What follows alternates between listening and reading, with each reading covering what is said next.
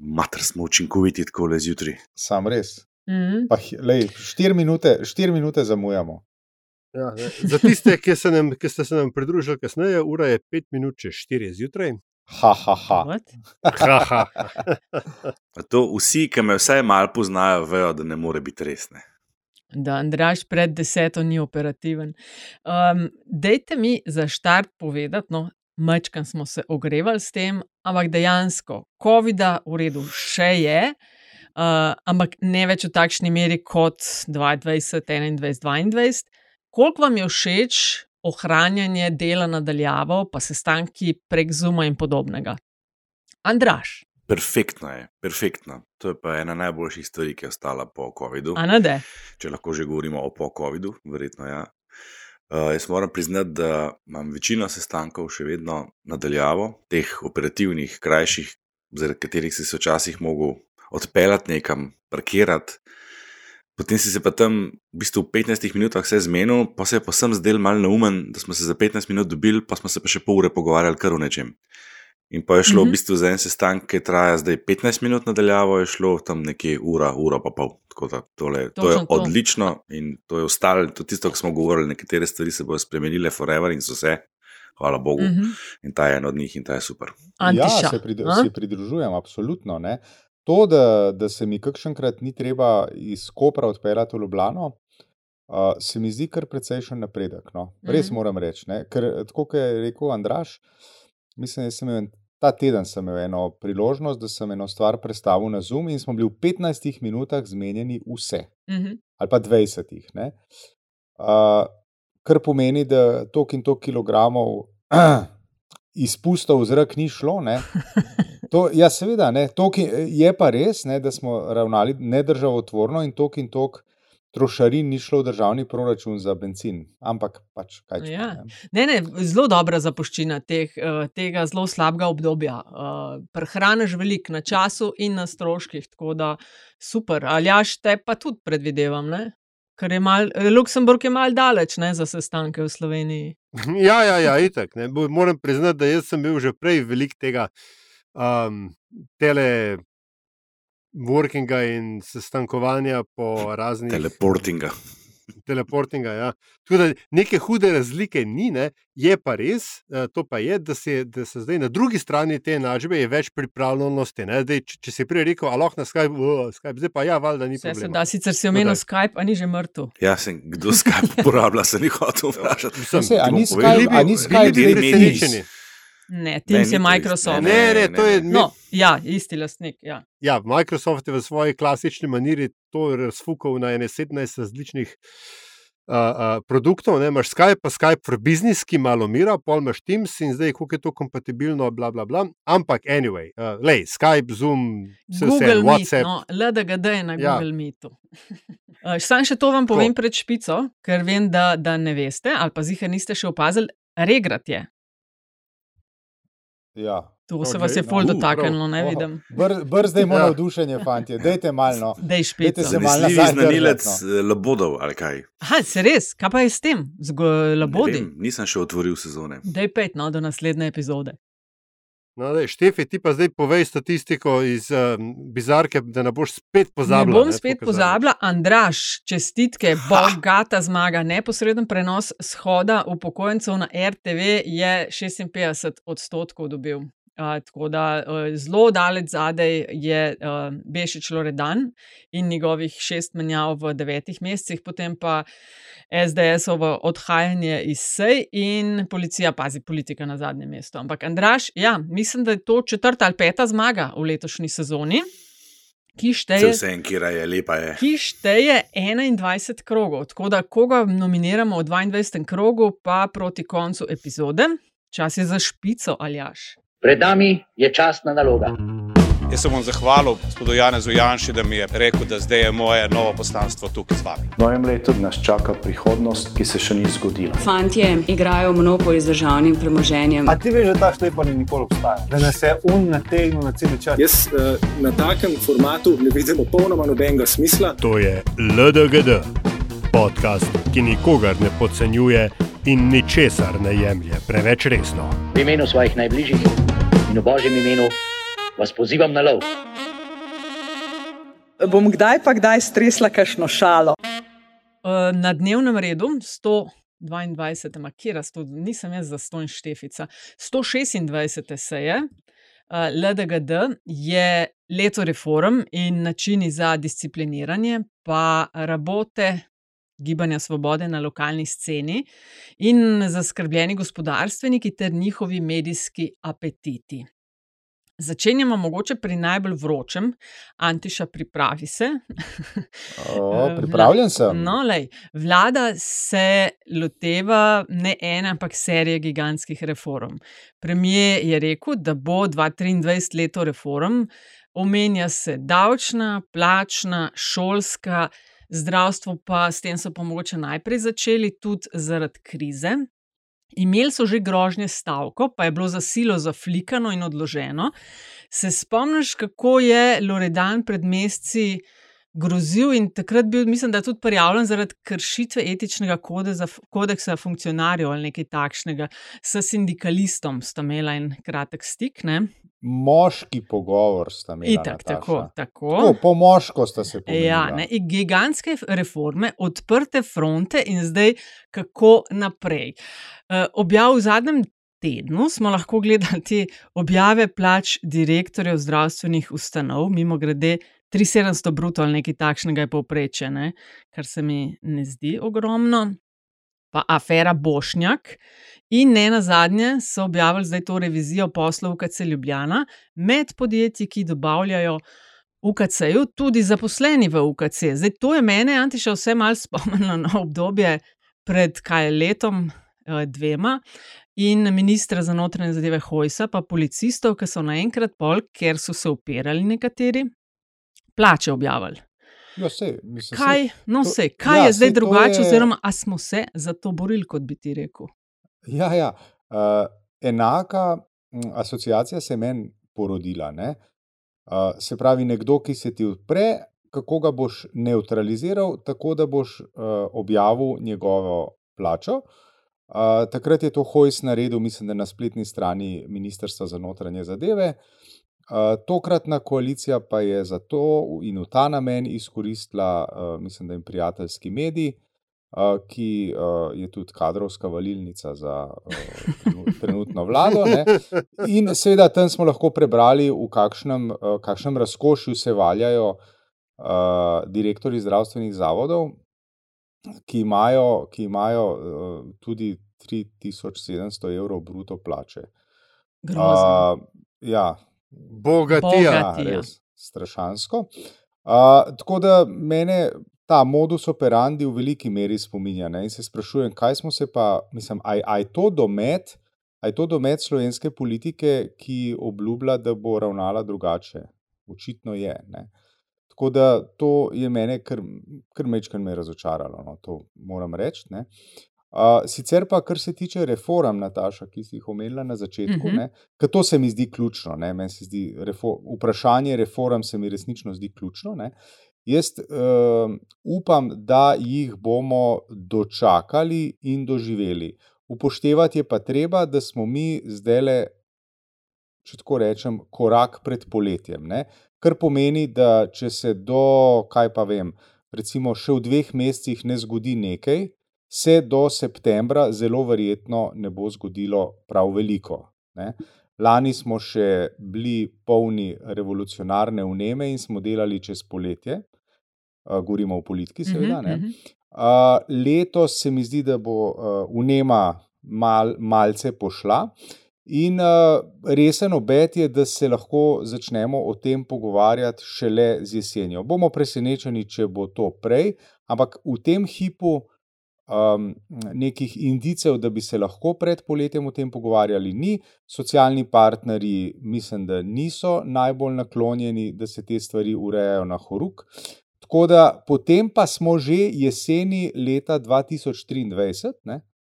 Uh, mandat traja pa do, uh, se pravi, do, predvidoma do pomladi 2026. Ne? Se pravi, ostanejo samo še tri leta. Če vzamemo zadnje leto, v katerem se ne delajo nepriljubljeni ukrepi in reforme so nujno in po definiciji nepriljubljeni ukrepi, ostaneta za izpeljavo samo še dve leti. Se pravi, za koncipiranje in izpeljavo, ne pozabimo, samo še dve leti. Zdaj pa kako uspešen si pa lahko na tako številnih in tako širokih frontah v dveh letih, um, si pa lahko samo mislimo. Andraž, deliš razočaranje? Ne, pa se ni, modu- uh, ne, ne, Nataša, ne, oprosti, modus ne, ni operandi, razoč- tisto, A, kar modus si rekel. operandi, ja. Ja, absolutno. V tistem delu, ki se nanaša na te objave plač, ki jih je Ante še v začetku komentiral.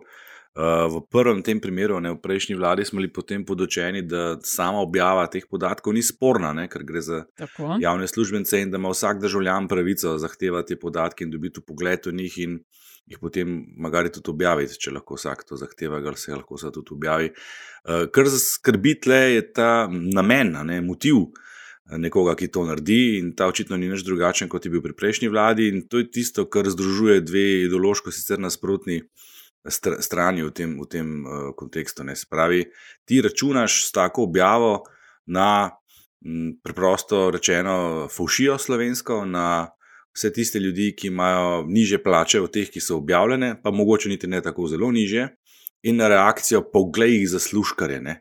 Kaj se pa sploh bunijo, se imajo visoke plače, ker seveda, čim je plača višja od tvoje, je že visoka. In ta namen se mi zdi pa, milo rečeno, podel. Ne. Eh, Ker na nek način vnaša nemir v populacijo, se pravi, v bistvu uh, spodbuja en del populacije, da se obrača proti drugemu delu populacije, s katero se bo pa popovdne ali pa dopoledne naslednji dan srečal v ordinaciji, ne? kar je zelo narobe. da Po tej plati sem tudi jaz precej razočaran, da se, grejo, da se, da se spuščajo na ta nivo podlosti. No, tako.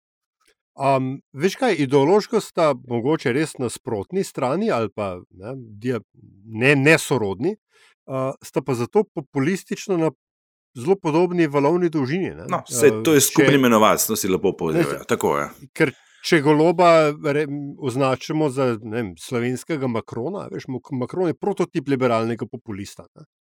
Uh, bi te pa sam, sam to popravil, no, da je uh, z, z direktorji zavodov verjetno ne boš srečal v ordinaciji. Tako da Tukaj je še ta.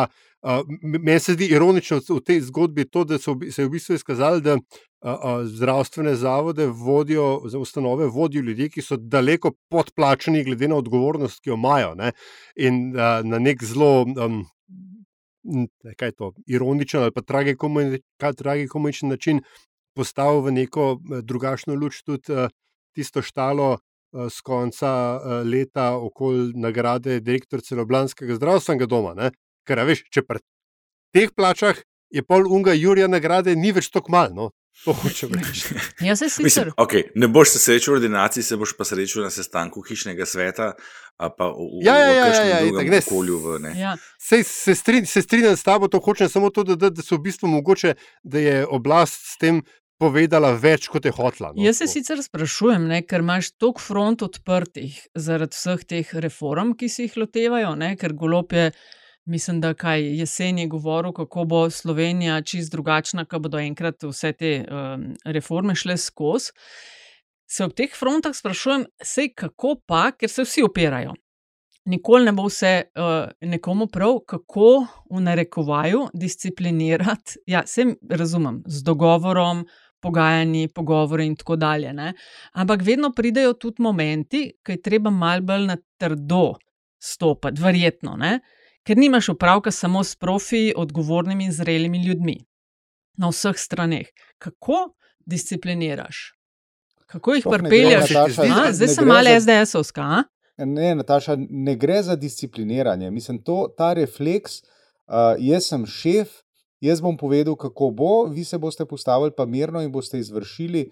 Ta refleks je napačen, je pa vse prepogost. Seveda, Um, ker je vedno gre za isto. stvari, a veste, mislim, ko se mi pogovarjamo o reformah, ne, tej tako opevani besedi in čudežni, čudežnem ključu za rešitev vseh problemov, mi spregledujemo, oziroma politika spregleduje, da te zadeve zahtevajo čas.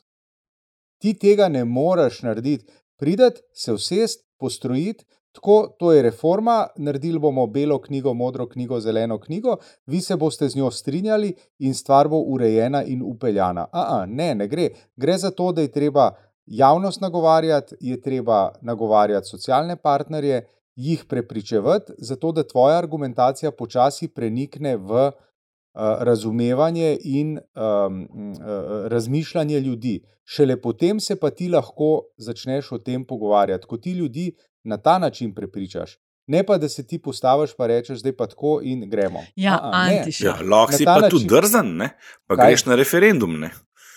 No, ampak hkrati ja, se reče, da tudi ni več časa. Leta 2011. Uh, Aljaš, časa imamo, časa imamo do, uh, do konca vesolja, časa imamo ogromno. No. Če, si ti za, če si pa ti zastaviš, da boš v enem letu izpeljal tako enih uh, 42 reform, ne, potem pa seveda nimaš časa in potem še upaš, da boš dobil drug mandat, potem pa časa nimaš in potem hlastaš in potem ravnaš. Uh, potem ravnaš uh, nepremišljeno, potem ravnaš na neki točki popadljivo, ker se ti naenkrat uh, začne upirati in ti gre na živce, da se ti ljudje upirajo, začneš biti popadljiv in tako naprej. Ne? Ampak Politika bi morala vedeti, da te stvari trajajo. Ne, jaz pa antiša mislim, da politika zelo dobro ve, da te stvari trajajo, ampak da imamo volitve, veš, da na par let. E, in sam si omenil, ja, samo še dve leti, a misliš, da voljivci in voljivke to razumemo? Vemo, da gre za reforme, ki bi mogle biti včeraj narejene in jih vsi odlagajo, ker nikoli niso priljubljene in nikomor ne prinašajo zmag, samo poraze traja pa ne dve leti, deset let, da se nekaj takšnega naredi. Kdo ima čas? Se zato ti pa pravim, zato ti pa pravim, da to ni stvar enega mandata ali ene vlade, ampak je to stvar večjih mandatov in morda tudi večjih vlad. Problem v slovenski politični kulturi pa je, da kaj je, požigalništvo. Pa družbenega najprej, konsenza, nekako nimamo kaj. Se bi... usedeš in najprej in za začetek boš požgal vse, kar so oni prejšnji naredili, ne? ker ti je brez veze. Pospraviš tiste, tiste uh, kvad, uh, kubične metre uh, materijala in elaboratov v predale, in začneš delati svoje, ki jih delajo tvoji prijatelji, seveda. Ja. In praviloma se meče krasen, zdrav parket, vam pa leminat polaga. Lej, to so te majsterske. ja, lepo je. Ja. Ampak hočem, veš, hočem to povedati. Ne? Če bi obstajal širši družbeni kon, uh, uh, konsens o tem, v katero smer moramo iti, potem bi lahko govorili, da bi Robert Golob, uh, ko se usede v, na mesto predsednika vlade, peljal v smer, v katero je peljal Janez Janša. Ali obratno. Ali obratno. Ja, Če bi obstajal, zdaj da dokončam. Ja, ker pa sorry. tega družbenega kontek, uh, konsenza ni, že drugič sem se zmotil, kontek, kontekst konsens. Um, ker tega ni, potem smo seveda priča temu, da za začetek vse potovčemo, kar so delali, kot sem rekel prej, kar so delali prejšnji. In zato ti v bistvu ne moreš pelati te kontinuitete, ki bi bila pa potrebna.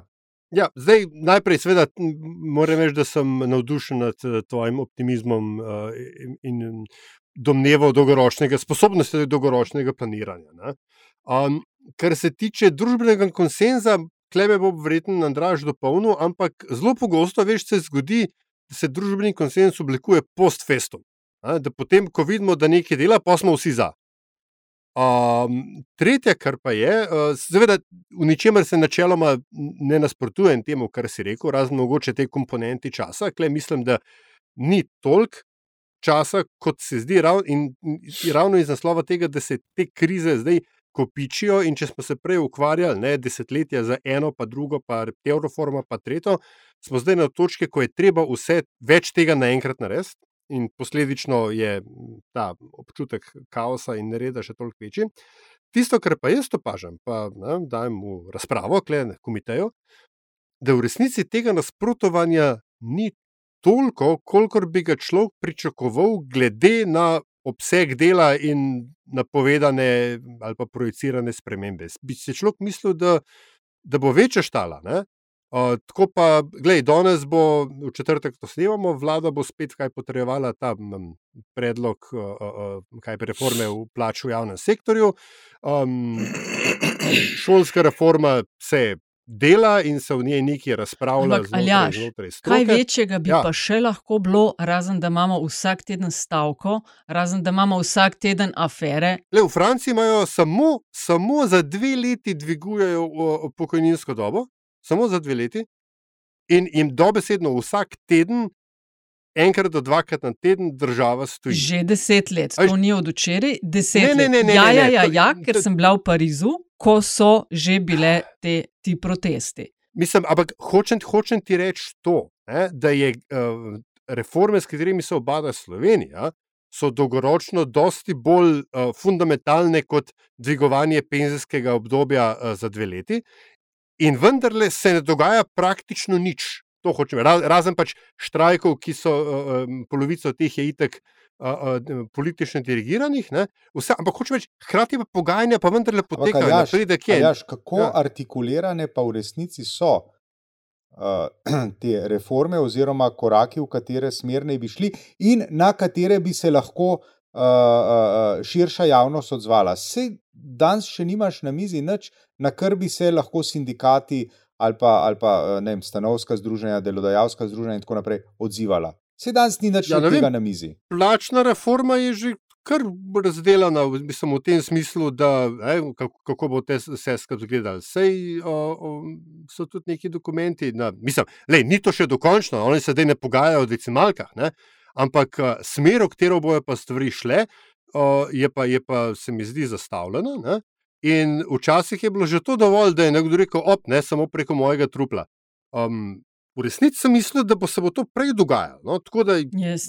jaz tako z zanimanjem opazujem, ne rečem, da je to inherentno dobro, ampak se mi zdi pa, da je dinamika vendarle drugačna od dosedanjih raznih poskusov reform. Ne prej je Andraš omenil ne, tisto famozno 2011 in um, Pahorjev referendum pogreb, in njegov polam. Tako, tako. Tako, veš, tako da, tisti, recimo, bil en tak primer tega. Tako le bo, posoš pa Ivan Svetlik še mal razvodenil, ampak je dušan vsemu rekel, samo preko mojega trupla, šel v komplot z Janšo in, in, in uh, podaril še tisto malo manevrskega prostora, ki ga je Slovenija takrat no, imela. In ključno vprašanje tle zdaj je, ali se je ta garnitura, ki trenutno vlada, karkoli naučila iz teh preteklih poskusov, ki jih res ni bilo veliko roko na srce. Mislim, jaz se razen teh treh referendumov ne spomnim kakšnega resnejšega reformističnega poskusa. Takrat naprej se ni nič dogajalo. Ni do, nič ni dogajalo. Ne vem, to zato, ker je Pahor postavil tak benchmark, lepo slovensko rečeno, pa se meni upal, ali zaradi kakšnega drugega razloga. Ampak, veš, danes to, kar si prej govoril, ta družbeni konsens, da se oblikuje v bistvu post-festum. Na isti način, kot se post-festum uh, ljudje razburijo, oziroma se razdre potencijalni konsens, ki ga nikoli ni bilo. Uh, tipičen mm -hmm. primer so recimo kakšne javne gradnje. Uh, vedno je ta javna razgrnitev prostorskega načrta, ki tam ždi v neki sobi, v neki krivni skupnosti, in je noben ne povoha. Pač v družbi imamo zelo, zelo malo uh, do te mere aktivnih državljanov, ki se sami zanimajo za stvari, ki spremljajo, ki brskajo. Celo na Twitterju, kjer je, se mi zdi, večina takih zbrana, jih je zelo malo, v resnici. Ne, ne tri bi lahko tako z glave zdaj le naštevne, ki dejansko pogledajo, pobrskajo, raziščejo, ampak to so redki, redki posamezniki. In to se začne pol, ne, ko se pa, ko pa tam začne neka stvar rast, neka stolpnica. Zdaj le gledam eno tam neskončno visoko, ki je više kot plečnikova crkva in se mi zdi res nespodobno, hudo fuck je dovolj tole. Um, uh, se, pa začne, se pa začne ta razprava, se pravi, ko je že prepozno. Ne? In takrat ti zelo težko oblikuješ nek konsens uh, v smislu, ok, strinjamo se s tem. Ne? Tako da jaz mislim, da če ta garnitura misli resno, potem bi se morali lotiti teh reform na podoben način, kot so se lotevali volitev oziroma spodbojevanja udeležbe na volitvah. Spravi, zelo, zelo grassroots, zelo na terenu, z uporabo vseh možnih uh, podaljškov civilne družbe, ki bi ljudi začela pripričevati najprej, seveda, v to, da tle res obstaja en problem, ne, pa to na tak način, da ga bodo ljudje razumeli. Uh, in potem še, da obstajajo tudi rešitve za to, samo bo treba to pa to narediti, in bo treba mogoče to pa to žrtvovati, pa to pa to sprejeti in tako naprej. Ampak to zahteva resno kampanjo uh, nekaj časa, da ti lahko potem priješ tisti dan, en, ne, en, tistega lepega dne z reformo ven in rečeš, to bomo naredili, in poslanci to potrdijo, in da imaš konsens v družbi, da tudi kakršen koli poskus, ki bo z kjerkoli medija preletel, ne bo uspešen. Eh, se pravi, sesuvanja tega. Krasno. Ker, sicer je pa dovolj to, kar si ti rekel, aljašne. En se oglasi, pa reče: tole bomo pa sesul in se sesuje. Krasno si omenil sodelovanje s civilno družbo, ki je bila ena ključnih pri tem, da se je vlada zamenjala in da je danes eh, v takšni obliki, kot je. Prav civil, ali pa del civilne družbe, glas ljudstva, ki zelo glasno spremlja to, kar uh, aktualna vlada tudi počne. In sicer so izdelali mislim, da si Aljaš ti uporabil ta izraz, eh, neke vrste spričevalo po desetih mesecih te vlade. Zdaj, Alja Antiša je govoril o koliko časa je potrebno za te reforme. Vemo, da časa nimajo. Meni se zdi, za razliko od Aljaža, da kar orang brbota v družbi in da nismo še nič videli. Ampak da bomo v prihodnje videli še več discipliniranja, ker bo na vsako temo od teh reform, ki se jih lotevajo, po mnenju dela civilne družbe, pa ko gledam to statistiko, prav visokih ocen eh, aktualni vladi ne dajajo. Ne. Spremljali so te predvoljivne zaveze, 122 njih, nekih polovi, slaba polovica jih je v izvajanju, 12 delno, skratka, samo pišejo, 8 je trenutno izpolnjenih. To, kar niso dobre številke, Antiša. Je, Ja, ni pa vse v samo en- številkah, izvoli. Kratek uvod v to, Prosim, ja. predna Antiša komentira. Uh, jaz mislim, da se v tem kontekstu, ne konsenzu, Ja. uh, precenjuje uh, vpliv Civilna oziroma moč, ki jo je imela civilna družba pri tej huronski zmagi Gibanja Svobode. Aha. Absolutno je imela vpliv na to, absolutno je imela vpliv na mobilizacijo. Voljivcev, ampak jaz sem prepričan, da predvsem v tistem delu, ki je mobiliziral že obstoječe voljivce, eh, levice, SD-ja, LMŠ-ja in Saba, da so šli voliti za svobodo, ne pa za, za te prej štiri omenjene, in da so v bistvu ne, na nek način te stranke žrtev aktivnosti in naporov civilne družbe, ker je šlo pač zihar, zihar, pojmo raje za goloba, kot Točno da se to. slučajno zgodi, da Janša zmaga. Medtem ko drugi del voljivcev, ki je pa bistveno, ta, ki je pa naredil ta presežek, tako v smislu uh, volilne udeležbe, kot te rekordne zmage Roberta Golova in Gibana Svoboda, so pa v bistvu ne voljivci, oziroma občasni voljivci, ki so prišli na volišča iz, iz čistega upora proti prejšnji vladi in ukrepom tiste vlade, proti zamejevanju gibanja na občine, eh, policijske ure in ostale stvari, ki so bile pač res absurdne in pretirane. Tako da jaz mislim, da če bo mogoče, da je civilna družba si v enem trenutku priznala, ok, ne, mi smo imeli zelo veliko pri tem, ne pa vsega. Um, Ampak pa nam ne- mogoče noben smo ne mi reče, so na nek način krvniki, krvniki uh, uh, rezultata levice, SD-ja, da v njih dveh, ki sta zdaj že v delu svobode, ne omenjam. Ne? Bi mogoče lahko tudi malo znižali pričakovanja. Mislim- to sem hotel povedati, potem bo življenje lažje. Mislim, da smo v enem od eh, LGD-jev Treba si bo priznati, ne, njihovi zavezniki so bili uh, ljudje, ki so nasprotovali cepljenju in ukrepom, in so prišli volt proti tistemu postfestum. In tle so na istem bregu z ljudmi, ki jih mogoče noče videti na istem bregu. Mislim, da smo v eni od prejšnjih epizod zelo jasno uh, dali vedeti, da tako aktivna, kot je civilna družba bila v zadnjih dveh, treh letih, že dolgo ni bila. Tako da, po mojem, so, uh, mislim, po mojem, 41 poslancev, to, kar si mislim, da tudi Andraš ti mislil, ne bi gibanje Svoboda, niti pod točko razno, imelo brez takšne aktivacije civilne družbe, te levo od, recimo, da sredine. In da imajo dva tak mandat, bila, ne. so dolžni načeloma tudi uh, na nek način odgovarjati civilni družbi, ki je veliko bolj vklopljena. To, to govorim. Ne, seveda ne samo njim, ampak veš, civ... Nekaj zdaj, zdaj tako izpade, da je bila pa civilna družba ta edina zveličavna, ki je dosegla to zmago na volitvah. Kar ni Sem res. kaj pa razumemo pod civilna družba? Kaj ti razumeš pod civilna družba? Vse zelo preprosto, najenostavneje, zreducirano vseh tistih 100 organizacij, ki so združene v. Pa ne samo, jaz ne sem recimo samo tistih 100, ampak en kup aktivnih posameznikov in posameznic, ki niso člani nobene od teh organizacij. Andiša spričevalo, no? a si ga pogledal mal? Uh, Ne, nisem. eh, Ne, ne, nisem, nisem pogledal, je pa tudi o tem smo se že večkrat Ja, pogovarjali. minusi, ne. plusi. Ne?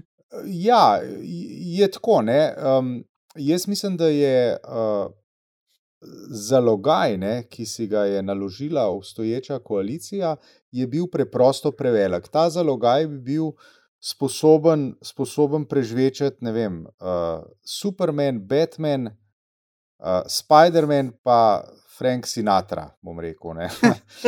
uh, Kaj, Mog- kaj v tej družbi dela Batman? Mogoče. Ne? Um, skratka, uh, ne smemo, a veste, mislim, vendarle gre samo za politike.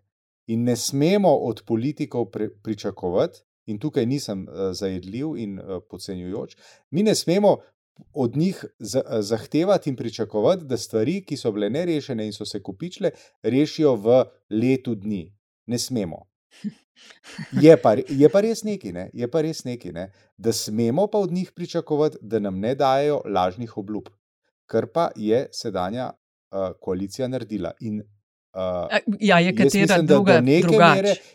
Ne, ampak se tudi o tem smo se že pogovarjali. Jaz mislim, da moramo, ti praviš, Nataša, da tega ne smemo jemati resno. Jaz zagovarjam, Česa, to, da ne smemo jemati resno? uh, da ne smemo predvoljivnih ob, obljub jemati resno. Jaz sem pa absolutno Mm, prepričan, ne, ne, da jih ne, ne. moramo jemati resno in moramo potem na določeno periodo politiki izstavljati račune in jih spraševati, kaj od tega je bilo narejenega. Ne? To absolutno mislim, da je treba jemla- jemati resno. In tudi sem jemal resno in še vedno jemljem resno uh, uh, obljube o, vse vemo, specialist 30 dni in tako naprej. Uh, in iz tega pa potem izhajajo razočaranja, iz tega izhajajo potem tudi morebiti nižje ocene, uh, ki jih uh, različne asociacije in organizacije dajo uh, vladajoči politiki. Zaradi tega, ker so bila pričakovanja presta, uh, postavljena previsoko. Antiša, grobo si zmanipuliral moje besede. Ne, In nisem. sem že v Ne, LDG nisem. večkrat rekla: You campaign in poetry, but govern in prose. Vemo, da v kampanjah govorijo in obljubljajo vedno več od tistega, kar lahko naredijo in dajo. Vedno. Ja, je, jaz to resno jemljem. Mislim, zato, Ja, no, čakaj mal. Če mi ti rečeš, eh, Nataša, če mi rečeš, da mi boš jutri ob enih popovdne pripeljala uh, tisto zavestco, da bo moj zvok boljši, jaz pričakujem, da boš jutri ob enih tam, kjer sva zmenjena. Ok, Antiša, ne, ampak če ne, ti- da mi rečeš, uh, ne, ne, se dobiva drug petek. Ja, čakaj malo. Čakaj, no. Antiša, ampak če ti resno vzameš, kar je rečeno, zakaj si pol rekel, da ne moramo od njih pričakovati, da v enem letu bo narejeno, kar so realno. obljubili? ja. Ne, ja, zato, ker je to dejstvo. Ker je to dejstvo. In to tudi oni vejo. Jaz to hočem povedati. Ampak ljudje pa To ne, pada jim vejo. podpora. Orank jim pada podpora. Zakaj? Zato, ker so ljudje mislili, da se v enem letu da, ker so to rekli v kampanji. ne da se. No, Kakšna stvar, kakšna, stvar, kakšna stvar se da tudi izpeljati, spet se bom ponavljal, RTV bi moral biti urejen. Ampak ne, RTV v času sedanje vlade samo nazaduje. Tam je stanje bistveno slabše, kot je bilo ob nastopu sedanje vlade. Skratka, nujne reforme so tiste, ki se nam zdijo nujne, vse ostalo pa lahko počaka. To hočem. Tako še enkrat. Nujne reforme so tiste, ki se nam zdijo nujne, vse ostalo lahko počaka. Nam štirim. Ja, A, dej, dej, dej, dej, dej, Penkovski. No, in in pa, pa, pa, pa oblikuj družbeni konsens. Ne, hotel sem reči, da imamo v bistvu tale segment, nam je dal uh, naslov za današnjo epizodo. ne. Dvigovanje uspešnosti skozi zmanjševanje pričakovanj. Jezus, Wow. wow. kakšen naslov, to ni klikabilno. Wow. Ja, Ma, ne Ja. gre noter, v tebi se To je, ja, da je ti. Ampak je še Ja, malo ja. še Se mi zdi, da, pa, da se mi zdi, da se je pa marketing v Antiši pa zdrznil ja, na ja. To ni dobro. No, le, ko razpravljamo o vladi. SDS je pred dnevi vložila interpelacijo zoper cele vlade, povod je ukinitev muzeja osamosvojitve, pa razpustitev te Handmaid's Tale urada pod vodstvom Primca Teme. Uh, Janša je rekel, da gre za klic k razumu, k razumu, da to ne bo konstruktivna nezaupnica, ker jih kao nočejo prehiter odvezati odgovornosti. Uh, z razpravo se bodo pa seveda šli. Ne? Um, airtime, lovljenje v medijih, govorjenje o tem, če se vse ta vlada ne zna. Skratka, spet te majsterske finte. Je, kdo vam pa to dela? Vprašanje je, Ja. za kaj imamo na interpelacijo. A si obetate kaj drugega, razen seveda en kup eh, soundbitov, citiran po medijih, zgodilo se na koncu ne bo nič. Pa tudi tega, po mojem, ne bo tako veliko, ker je stvar tako mal, mislim, to je že skoraj za bizarko. No? Da narediš interpelacijo proti vladi zaradi enega muzeja, ki je bil priključen na en drug muzej. Kot Mislim, pa misliš, živimo? enega muzeja, pa to je ključen muzej. Ja, Gre tako rekoč za izdajo. Za Mislim, To izdajo. ni muzej, to je mauzolej. Bodimo si na jasnem. v glavnem, a veš kaj, jaz pa mislim, da ne bo. Vem, Da tudi medijsko ne bo to. odmeva- odmeval. Po mojem, ne, a veš, tudi, lej, tudi na nek način NSI tle svojo vlogo odigrala ne, v tej smeri, ker je pač eh, sklenila, da ne bo podprla tega, da sicer bodo sodelovali v razpravi, ampak da češ oni niso tle zraven. Pri tem je pa še najbolj simpatična njihova konstatacija, če smo že na seji komiteja, da se bodo v bodoče izogibali interpelacijam. Tam sem se odkrito nasmejal, sem jaz bi se tudi z osmimi poslanci v punem poskusu ne uspel pred kratkim, da je bila res slušna. Ampak jaz mislim, da jih nihče ne bo prav zelo resno imel. Jaz mislim, da imajo prav kritiki iz desne, ki pravijo, da je to napačna poteza, ki bo prenesla nič drugega kot dodatne točke in podporo mogoče celo ponovno rast podpore ali pa se ustavitev paca podpore vladi, ki se pač zdaj v tem času ukvarja z resnimi stvarmi, vsaj deklarativno. NS je tudi rekla, da ne bo nasprotovala. Ne bojo bo, več jamrali, ampak iskali rešitve. Pozor, pozor, gospod Miracer, iskala rešitve, da bodo sodelovali in tako naprej. Ne? Tako da SDS je tle kar naenkrat en tak lonesome rider, ne? ki jih, po mojem, predvsem zaradi tega razloga, ne? da je vse zaradi enega mauzoleja, ne, ne bo nihče prav zelo resno imel. No, tako da v njihovih medijih ja, bodo to seveda napolno napumpali, pa na določenem programu RTV tudi, ampak vse ostalo pa mislim, da ne bo nasedlo na to foro. Preprosto zato, ker si rekla Nataša, prozorna, že večkrat videna fora. Sam je jebeno velik Lonesome Rider ne? in po mojem je ful odvisno od tega, veš, bo videl, kjer dogodek bo videl Petrovčič prenašala. Vse. Ne? Ja, če, bo, če bo komentirala sejo parlamenta, potem po mojem bo ocenili, da jim to vendarle lahko pomaga. Veš, ker, ne, ja. ne, ja, ker sam to no, op, opažamo vzorc. Namreč, zdaj imamo mi napovedano interpelacijo, ki bo shitload ur razprave brez sklepov. Prvič. Drugič, oprosti, uh mhm. -huh. imamo pa resolucijo o Rusiji kot kvaže državi, ki podpira terorizem. terorizem ja. Ki bi pa pazi, isto se bo zgodilo napovedanih je ne vem koliko ur razprave, um, prepucavali se bodo od to do večnosti, sklepa pa ne bo, zato ker parlamentarni odbor tega ni podporil, ker so neke formalnosti, da ne bi mogla biti resolucija in deklaracija, bla, bla, bla. Ne. Hočem reči, se mi zdi, da se je SDS, da je odkrila še en način, kako dominirati uh, časovnico, vsaj v parlamentu, če že ne morejo vlade, ne, in sicer to, da vlaga razprave, ki pa nimajo niti, niti uh, um, nekega sklepa na koncu, ampak enostavno govoriti, a veš, o, v nedogled. No. Spet grdo govoriš o SDS-u. Ti, ti, ti, ti. Ampak, a veš, Mislim, a veš, kaj ja. od tega je pa zanimivo za širšo javnost? Mislim, kaj res ne? Eh, koliko jih zanima? Uh, muzej, pa razprava brez sklepa, ker se bo začeli sprašovati, ko bodo zvedeli končno, zakaj gre, ker zdaj jih tako večina ne ve, da to sploh bo. Kaj, zakaj o čem zdaj govorijo? Ne? Kaj pa druga stvar, Rusija, koga že zanima mednarodna politika v Sloveniji? Mislim, a veš, boring. Vrču signalinge, ne? A veš, za svoje. No, to ja, za svoje, tako. Za svoje, se gre. Borimo, to, ja. Privatnik Antiša, hmm. ti, ki si v teh gospodarskih vodah, malo bolj. Um, a čutiš nervozo med gospodarstveniki nad potezami vlade? E, jaz opažam sploh e, šefa SBC, kaj se reče vodja, predsednik, ne vem, direktor Pečečnika, pa prvega človeka NLB Brodnjaka, e, sicer tudi mislim, da je na čelu MČM. Da ima tako idej, kako bi se dal bolje. Oglasil se je tudi uh, direktor Šešok na temo davkov, pa Štrancar, Bia Separations, ne, iz tvojega konca. Uh, mislim, da je tudi Šuštršič imel en kup uh, težav z, sploh mislim, da na to davčno reformo. Um, zaznavaš nervozo med gospodarstveniki in hkrati, kar nekaj njih ima ideje, kako bi imeli medije. Uh, jo zaznavam jo v resnici zaznavam. S kar nekaj uh, ljudmi iz gospodarstva sem v zadnjem obdobju govoril in samo zmajujejo z glavo, kaj še hoče od njih levica. Zanj sem pa, to pa je iz druge roke, z nekom govoril, ki je bil na nekem gospodarskem forumu.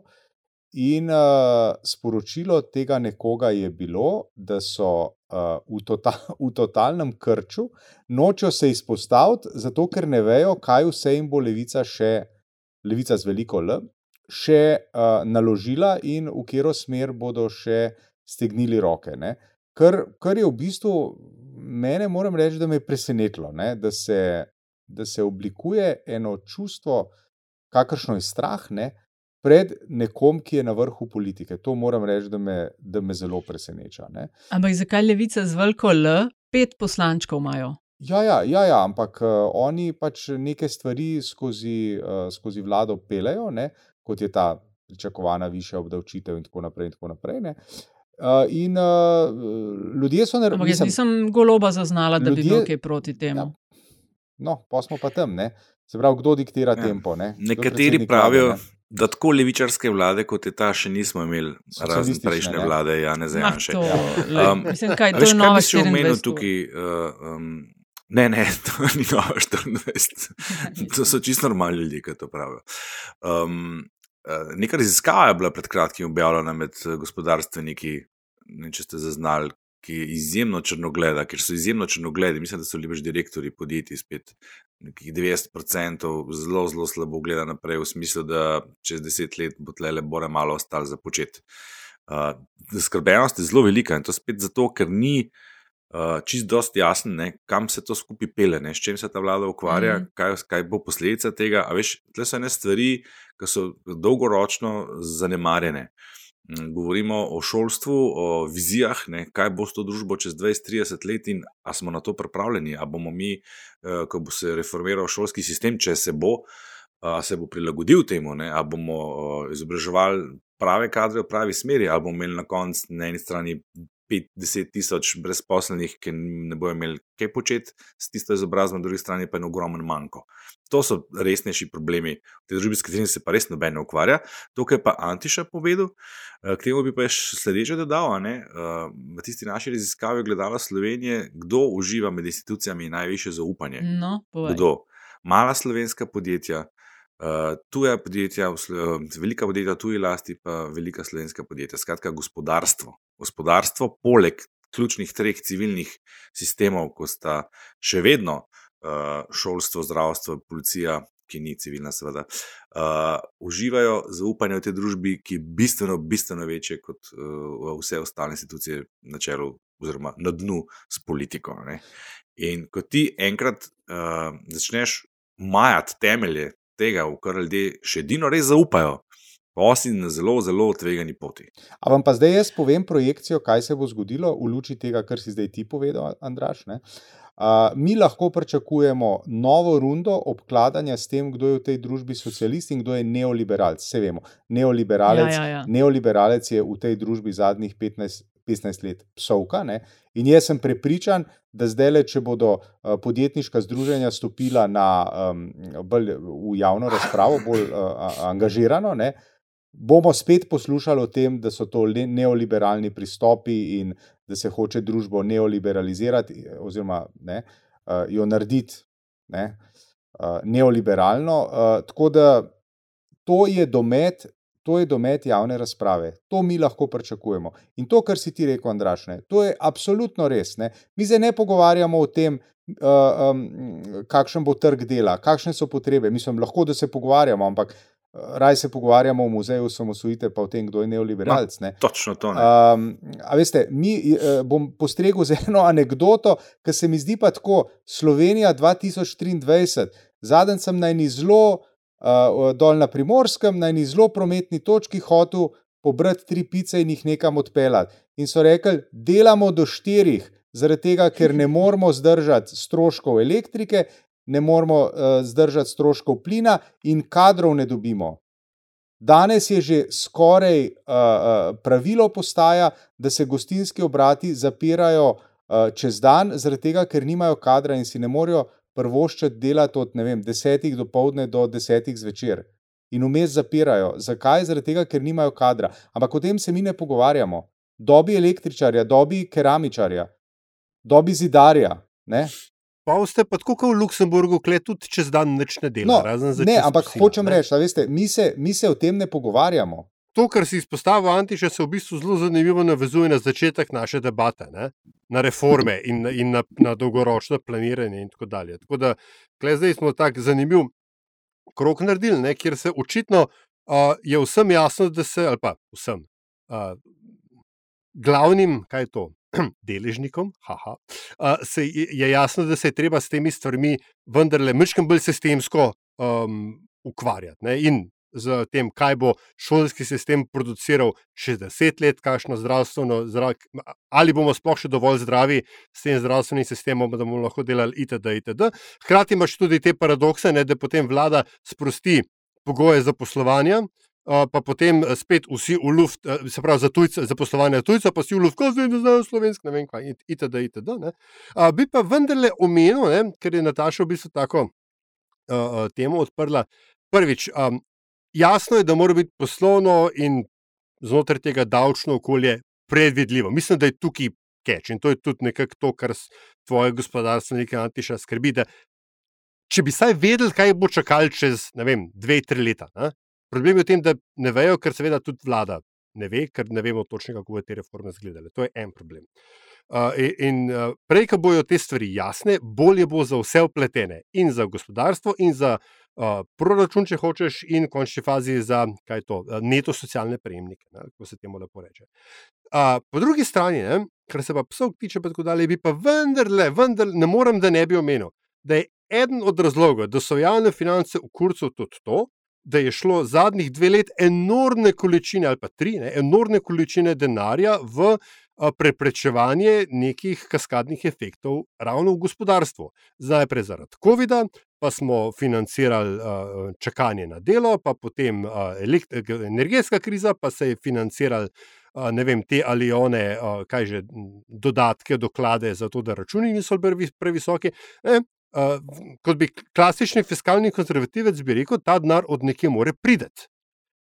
In tudi to je, bo moralo verjetno tudi gospodarstvo razumeti, ne, da so oni ta hip v relativno ok kondiciji zato, ker so davkoplačevalci skozi vlado skeširali kar lepe količine denarja, zato da oni so lahko ostali v tej kondiciji, da se gospodarstvo ni sesulo dvakrat v treh letih. Tako da to zavedanje se bo moralo tudi vzpostaviti, da je soodvisnost tukaj. Gre v obe smeri, ker gospodarstveniki, sploh podjetniki, ladi rečejo, da ja, mi smo edini produktivni del te družbe. E, kurac nisi. Uh, uh, vsi smo. A veš, tudi tisti, ki v javnem sektorju delajo, pa plačujejo davke, oni tudi imajo svojo. Svojo vlogo. Andraš je omenil, da so na vrhu po, v, med institucijami po zaupanju med ljudmi, se pravi, mali podjetniki, oziroma mala, mala slovenska podjetja. Tako, podjetja Uh, ja, ne? in uh, Antiša ti pa o tem, kako se o tem in onem ne pogovarjamo, mogoče pa gre tukaj tudi iskati te želje podjetnikov, ki jih je vse več, ki vlagajo v medije. Recimo, omenila sem Štrancarja, ki je v en SDS-ov medij vložil denar. Ne, ne, v NSO, sorry, NS, domovina je NSO, oziroma kao, ne, NSO, adjacent. Okay, no, ja. pač v enega od ja, strankarskih uh, medijev in ta pečečnikov medijski projekt, ki ga SBC omenja. Pričemer je meni sicer, čakaj, meni je sicer to hecno, ne? ker on govori oziroma zagotavlja, da kao ne gre za političen projekt. Ne? Mislim, seveda gre izključno za političen projekt, gre, jaz pa ne vem, zakaj ljudem nerodno o tem govoriti.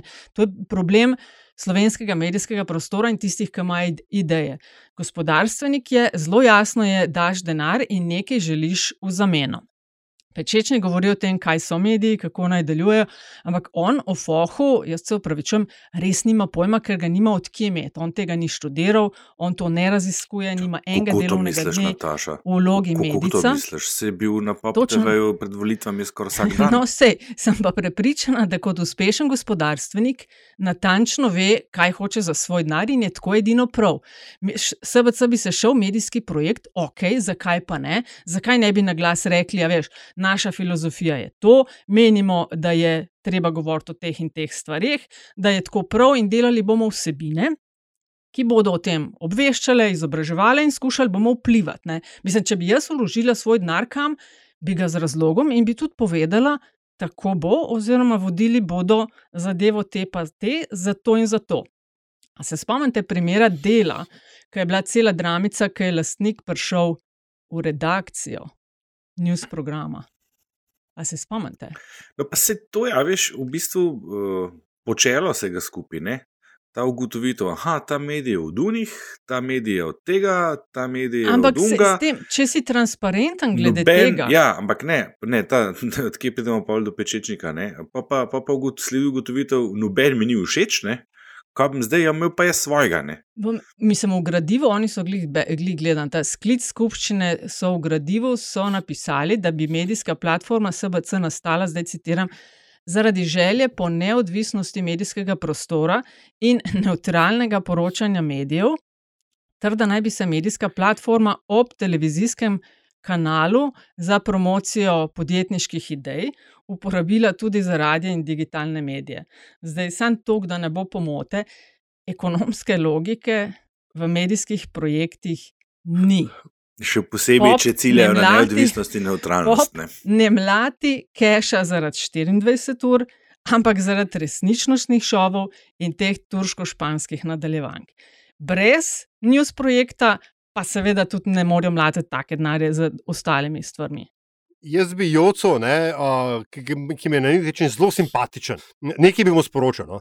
Um, medijski projekt v Sloveniji je najboljši način, da iz milijonarja narediš bivšega milijonarja. Zdaj pa razmisli. Denarja imajo dovolj, meni se zdi čist kul, cool jadce mediji, sam ne se delati, kako ne bo političen projekt. Natanko to bo političen projekt in s tem ni nič narobe. Najš- ampak, Povedali Nataša, boste, kaj hočete lah- delati. Lahko je, naj, uh, lahko je političen projekt, ampak dajmo biti benevolentni in reči v najširšem pomenu besede, se pravi, ne Mislim, nujno strankarski, ampak političen Tako. pa zato, da ti v javno razpravo prepeleš neke svoje točke. Gospodarske ideje, to, Tako, kar je ja. omenjal. Le, To ne, je to, kar politika sem prej omenil, a ne, Ja. Pečečnik je bil res pogost gost uh, pred volitvami na Pop TV, mogoče ni bil ravno vsak dan, ampak se je zaznamoval tisto Z obdobje. nastopanjem neki In je bilo tudi veliko komentarjev, in, In tako to je vse. naprej. Ne, ne, ne govori zdaj o tej plati nastopanja, pa izkušenj, ampak morda so pa tle kakšne večje, više ambicije zadaj za tem. a ne? No, sej, eh, Namreč to, da, Čaršija da milijonari postajajo predsedniki vlad, oziroma predsedniki držav, je trend zadnje čase, ne zadnja leta. On je to milijonar, zaenkrat, če kot pravi Aljaš, mogoče bo kmalu bivši, če bo stvar preveč resno vzel. Ampak eh, mogoče je pa kakšna taka ideja od zadja. Veš, jaz, jaz mislim, da je on s tistimi svojimi nastopi mogoče pa tudi to neko ambicijo izrazil. Pa ne pozabiti, ne, v Sloveniji se vse čas govori o potrebi po neki stranki na desnici, ki ne bi bila populistična na način, kot je SDS, in tudi ne preveč obremenjena s tem krščanskim pedigrejem, kot je NSI, torej neka, neka kakorkoli zdaj rečemo, liberalna, meščanska, whatever. Pač desnica, ki, je, ki ima večjo oporo v gospodarstvu, kot pa v ideologiji. In Pičečnik se mi zdi s tem nekim krogom ljudi, ki o tem govorijo, kar dober kandidat za to. Mogoče gre pa za tako ambicijo, ne? Si se narediti malo stranko. sprehajal po čarši. a, Če, če ne, ja? noč ne vem, noč ne vem. No, Nič ne vem, vse zanikam, vse zanikam. Vključno s tem, da sem bil tam. V glavnem, a mogoče pa res ne veš neka taka ideja tle zadnji. Ne? Mislim, dajmo, dajmo se zbrati, dajmo nekaj narediti, kaj pa rabimo. Ja, mediji rabimo, ne? ker, ker Ja, noben medij nas ne bo podprl, ne? bodimo iskreni. Ne? Torej, rabimo medije. A ima kdo denar, jaz imam nekaj, ja, dajmo narediti medije. Easy peasy. Um, ker gremo proti koncu, pa ker sem že na začetku omenila, da mi ne bo kdo pod nos vrgel. Um, Gibanje Svoboda ima na nacionalni ravni 41 poslancev, mi smo rekli, da to bo še luštno, na lokalni ravni so pa oni drugi po številu svetnikov. Ne? E, Zelo bogato, ampak smo tudi že govorili o tem, kako novinc brez struktur težko karkoli, kjerkoli obvladuje, da so na začetku take in drugačne težave. Gibanje Svoboda je, kot je opozoril Aljaš v naši komunikaciji, je poslala opomin ali pa izrekla opomin svetnikom in svetnicam v Ljubljani, ker so podprli nagrado direktorici zdravstvenega doma, kao to je v nasprotju z našimi vrednotami. No, v Mariboru imamo pa mal drugo sliko, so pa Gibanje Svoboda, ki je v drugem krogu podprlo župana Arsenoviča, zdaj očitajo Arsenoviču, da je šerif, da enostransko deluje, da se nekako ne vidijo v njegovi koaliciji, ne bojo ne vem, nekih podražitev podprli. Uh, vodja svetniške od Gibanja Svobode Vojko Flis, mislim, da je to tam, ki je bil uh, Kandidat za župana. za SD, najprej župana, pa je potem šel ja. v Gibanje Svoboda. Ne? Ker naj bi ne vem, neko menjavo direktorja snage. Zdaj, v, a šerif v Ljubljani je ok, šerif v Mariboru ni ok, a ima šerif na Gregorčičevi stvari pod kontrolo? Šerif pravim, ker ga tudi tako opisujejo, to Gregorčičevo. Očitno to mesto ni dovolj veliko za vse tri. Ne? Kot, kot, kot so rekli v kavbojskih filmih. Ne. Tako ne, hvala. This town ain't big enough for the three of us. Ne. Alright. Kje pa je v tem mestu pol OK koral? Oh, čak, ja. Občak, ja, obračun pri OK Kromberku. Tako, evo. Skratka, Cool, ima všeč šerif, mi ta nima. metafora, nimajo. ni gledam eno serijo, ki jo je Ljaš priporočil pred kratkim in so mi kavbojci všeč Ja, ratali. ja, ja. Kavbojci. Mm. Kavbojci. Ja, ja. Veš kaj, tukaj, tukaj prihajamo dejansko do tega, ne, da je obstaja ta diskonekt med a, lokalno in a, a, državno oblastjo. Um, kar se veliko krat se manifestira v tem, da imaš ti stranke, ki se na državni ravni gledajo tako rekoč preko puškinih cevi, ne, ne tega vzeti dobesedno, a, potem na lokalni ravni gladko, lepo sodelujejo, kot da, ni, kot da se nič ne dogaja. Ne. Mm, In obratno, seveda. Uh, In mislim, da da, da je to primer tega, ne? ker pač ti vendarle, veš, ne moreš ravno imeti nekega hudega kadrovskega filtra na, na lokalni ravni, že na državni, včasih težko. Se ti potem dogajajo stvari, ko ne, tam lokalni ogranak dela kar nekaj po svoje, pri čemer je zelo verjetno za lokalno pozicijo Gibanja Svoboda bolje to, kar oni delajo v Mariboru z Arsenovičem, kot to, kar se Golobo in Vesni Vukovič v centrali v Ljubljani, oziroma v Kromberku, zdi, ne, a, a, da bi morali delati. Tako da a, kle se zna, zna biti še veselo. To je recimo SD veliko krat da to zgodbo čez, ne, ko se pač potem njihovi lokalci odločijo po svoje, in potem se je stranka centrala v Ljubljani naučila, da se skomigne zraven in reče: Ja, je bi ga glasovi so pa le in grejo dalje. Ne. Ja, tukaj, um, tukaj se mi zdi, da je um, v precejšnji zagati Vesna Vukovič, ne, ki bo morala Robertu Golobu povedati, kako naj ravna, pa se bo pa on odločil, bo tako ravnal ali ne. ne. Uh, za, kje pa je ta zagata? Ne? Um, oni si predstavljajo, da bodo, tako kot sem že prej uh, opisoval, ne, bo rekel, mi smo šefi, vi pa ravnajte tako, kot vam mi rečemo.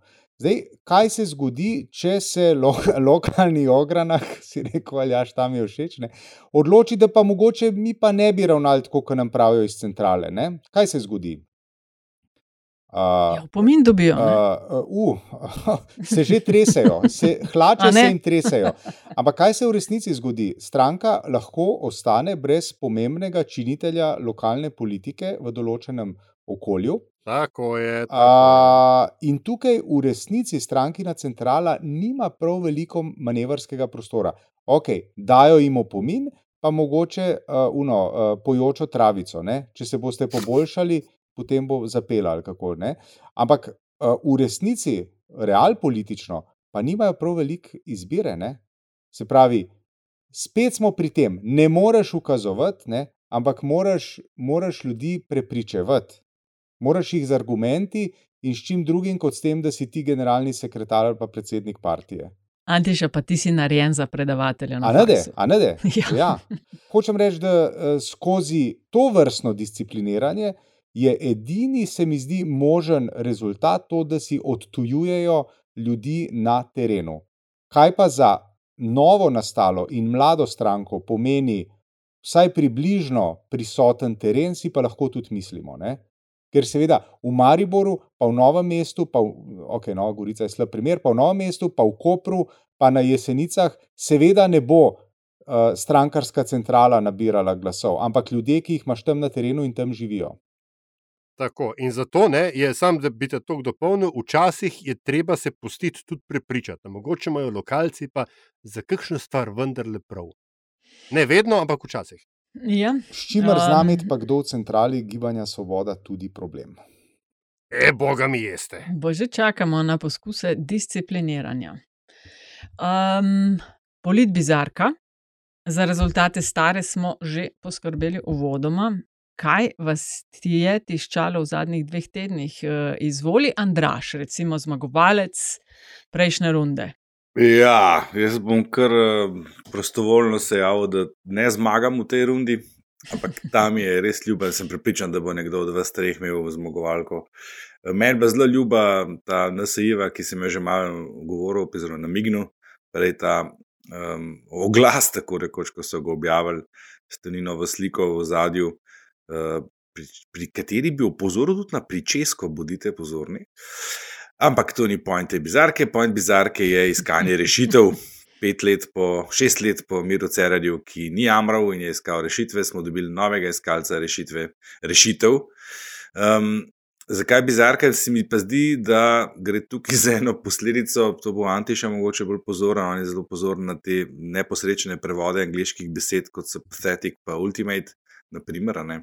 Recimo, ja. Um, jaz predvidevam, da tle gre za en učinek uh, nekih svetovalcev, ki prihajajo iz zahodnega sveta, uh, where you sell products, uh, not, you, you, not, you not sell products, you, products you, you, you are selling solutions. Ne. Uh, you are finding solutions. Ne. In potem se ta solutions prevede v rešitve, in potem se kar naenkrat le išče rešitve v Sloveniji. Mislim, da gre za neki tazga. Ker jaz Aha, ne vem, točno kako te rešitve res gledajo. Ne. Andraž, zdaj sem pogledala ta tweet tvoj, ne? Ja, na te rešitve Ja. in frizuro. ja. Zelo alt, ja. A ne? A ne? Zelo Ja, alt. ne. Ja, ja. Zato piše tisti alt od spodaj. v- v- Sej zato, v- to sem v rekla. fotografiji. Ja. ne, Mal, alt. mal signaliziramo. Mečkanje, ja. No, ampak kot rečeno, ni to panj bizarke. Panj bizarke je uporabiti te besede v to. iskanju rešitev in kaj za vraga so to. Ali jaš, drugo vrščeni, izvoli. Jo, hvala lepa. Ja, moja bizarka eh, se pa nanaša na a, pojočo Urško Klakočar Zopančič, ki je a, v enem od različnih programov, ene od različnih postaj a, naredila pač. Spet imamo primer politička in političarke, ki poje. A, ampak to niti ni tako bizarno, čeprav je ne, na nek način. Um, še, ampak še bolj bizarno je pa vso to frfotanje, ki se je naredilo okoli tega. Ne, češ, jo, a je primerno, da predsednica državnega zbora poje v mikrofon na radijski postaji? Mislim, the fuck cares. Je nenavadno, se strinjam, ne se ne dogaja vsak dan. Res si ne predstavljam Milana Brgleza, kako bi pel, je pa tudi res si ne predstavljam Milana Brgleza, kako počne karkoli drugega od razen šahira. Ne? Tako da, evo. Um, de, ko, Dajmo malo zmotilo? sapo. Kaj te je Ampak, zmotil? Zmotil me je vse uh, to, da, kako zdaj ona ponižuje, uh, kaj že funkcijo. Pa ne vem, um, konc sveta je bil tako rekoč. kaj je pol bizarnega? Uh, ta, te reakcije okoli tega. Ha, veš, to- reakcije na to, da Mislim- klakica poje. Ja, ne, se, že, že to, da poje, je mečke nenavadno, v redu, ajde, ne, ampak uh, da pa okoli tega zdaj padajo ljudje v nezavest, ne, ki so po večini tipi, ki padajo nezavest. Ne, in me zanima, Tipično. kako. Ja, veš, kaj pa Miro Cera na kitaro igral, pa Mirko Majer na planetu, je bilo pa vse v redu. Kaj ne, a hujšega veš, od to krapeža in tistega spuščanja v Milanca. Ti no, se bojo še to, no, orang pa mogli to, ja, potruditi, da veš, bojo to tako, presegli. Ja. Kjer komat ti je no. pa bil všeč? Kjer komat vam je bil bolj všeč? Ti si mal bolj divji ali tisti uh, iz, uh, kaj že, uh, Mislim, mene je Titanika? presenetilo, tiska, da, da zadeva niti ni bila tako šloh odpeta. No, tako. Sej ni, ni glih, da bi zdaj pela, da bi bila back vokalistka od Celine Dion, ampak glej, za tako amatersko, za pod, za pod uh, tuš je bilo pa v redu. Ok, reakcije, skratka, napetje. Si pa lahko, jaz bi samo amandmiral, jaz bi samo amandmiral Aljaža. Jaz mislim, da si Urška Klakočar Zupančič lahko obeta partijski opomin, ker je pela uh, pesem iz filma Titanic. Zakaj? Ker se Ja, ja, potapljamo, a ne. No, no, no. Uh, dobro, jaz sem zasedla eh, visoko tretje mesto, bronasto medalja in izberem v tem krogu.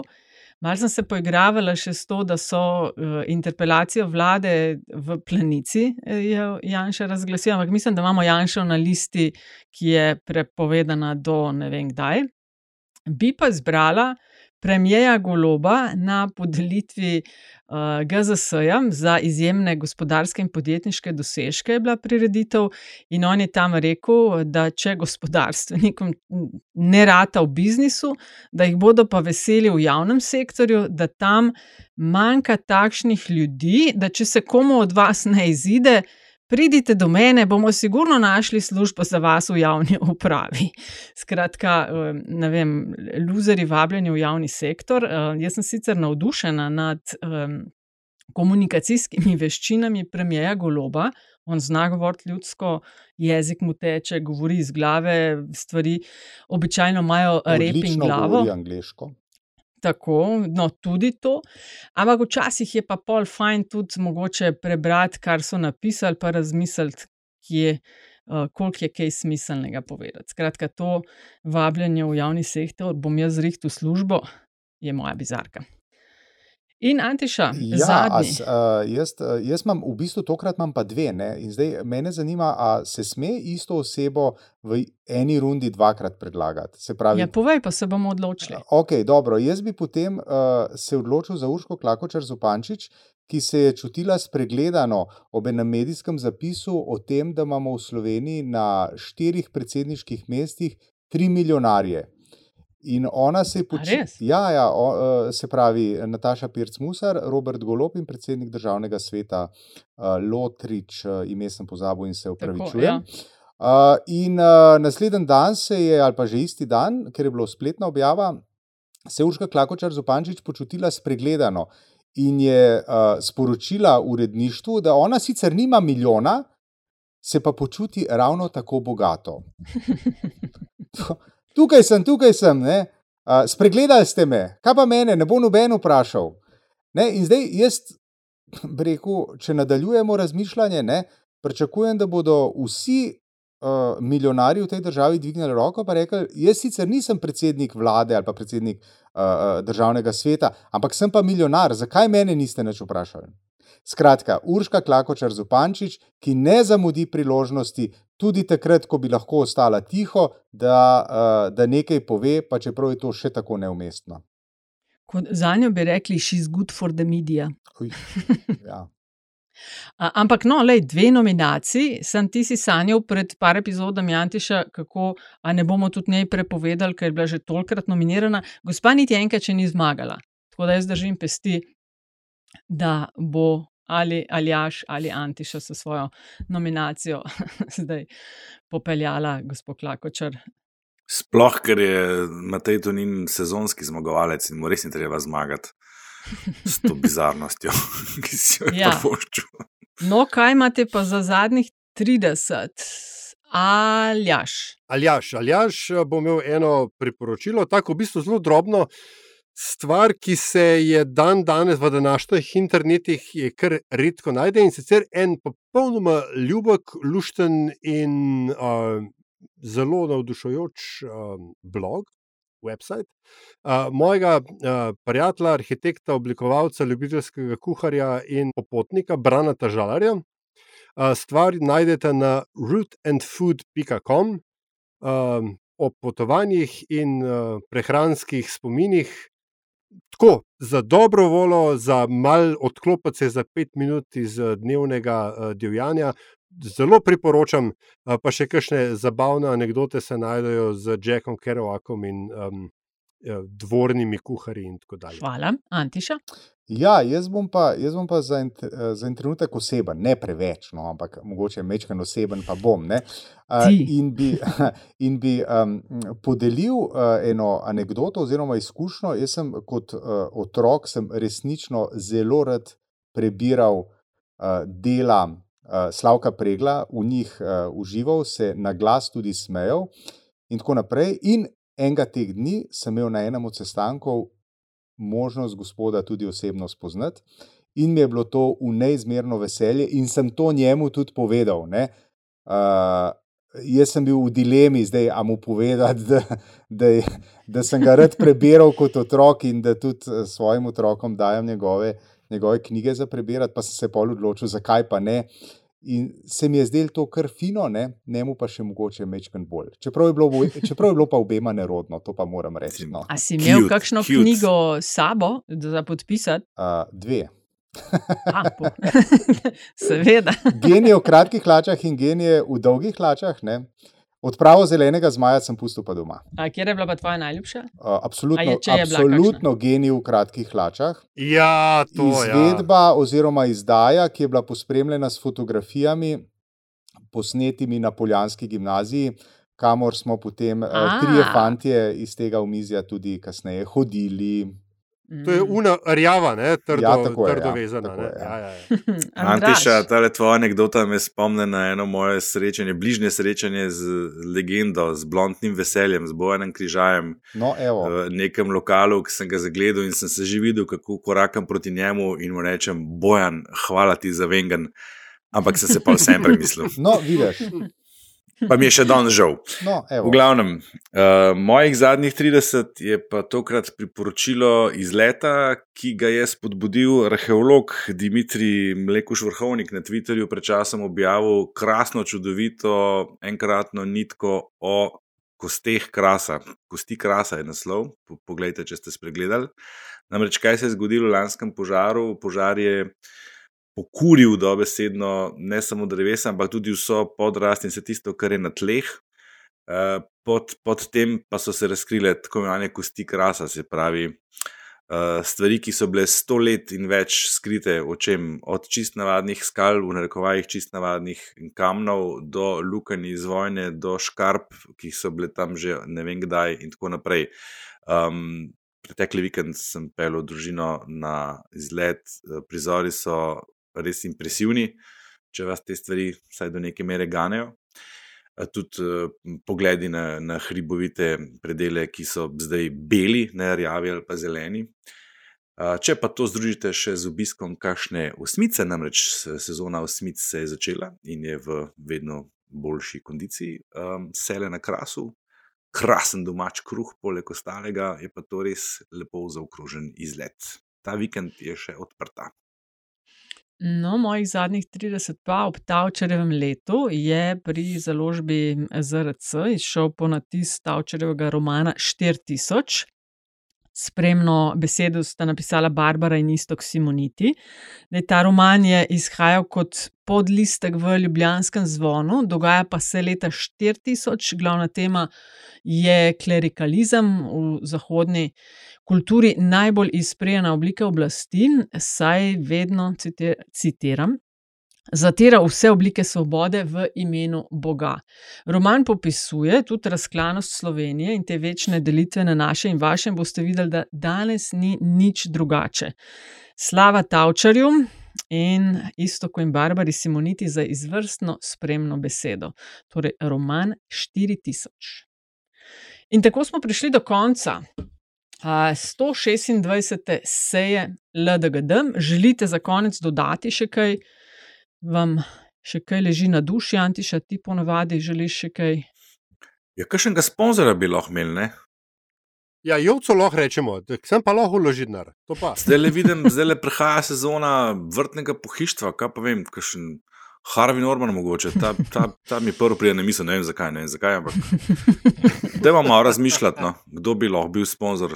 A moramo res vse sami, menti. A moramo res vse sami, točno tako je. Ja. Hvala lepa in uh, nasvidenje naslednjič. Ne?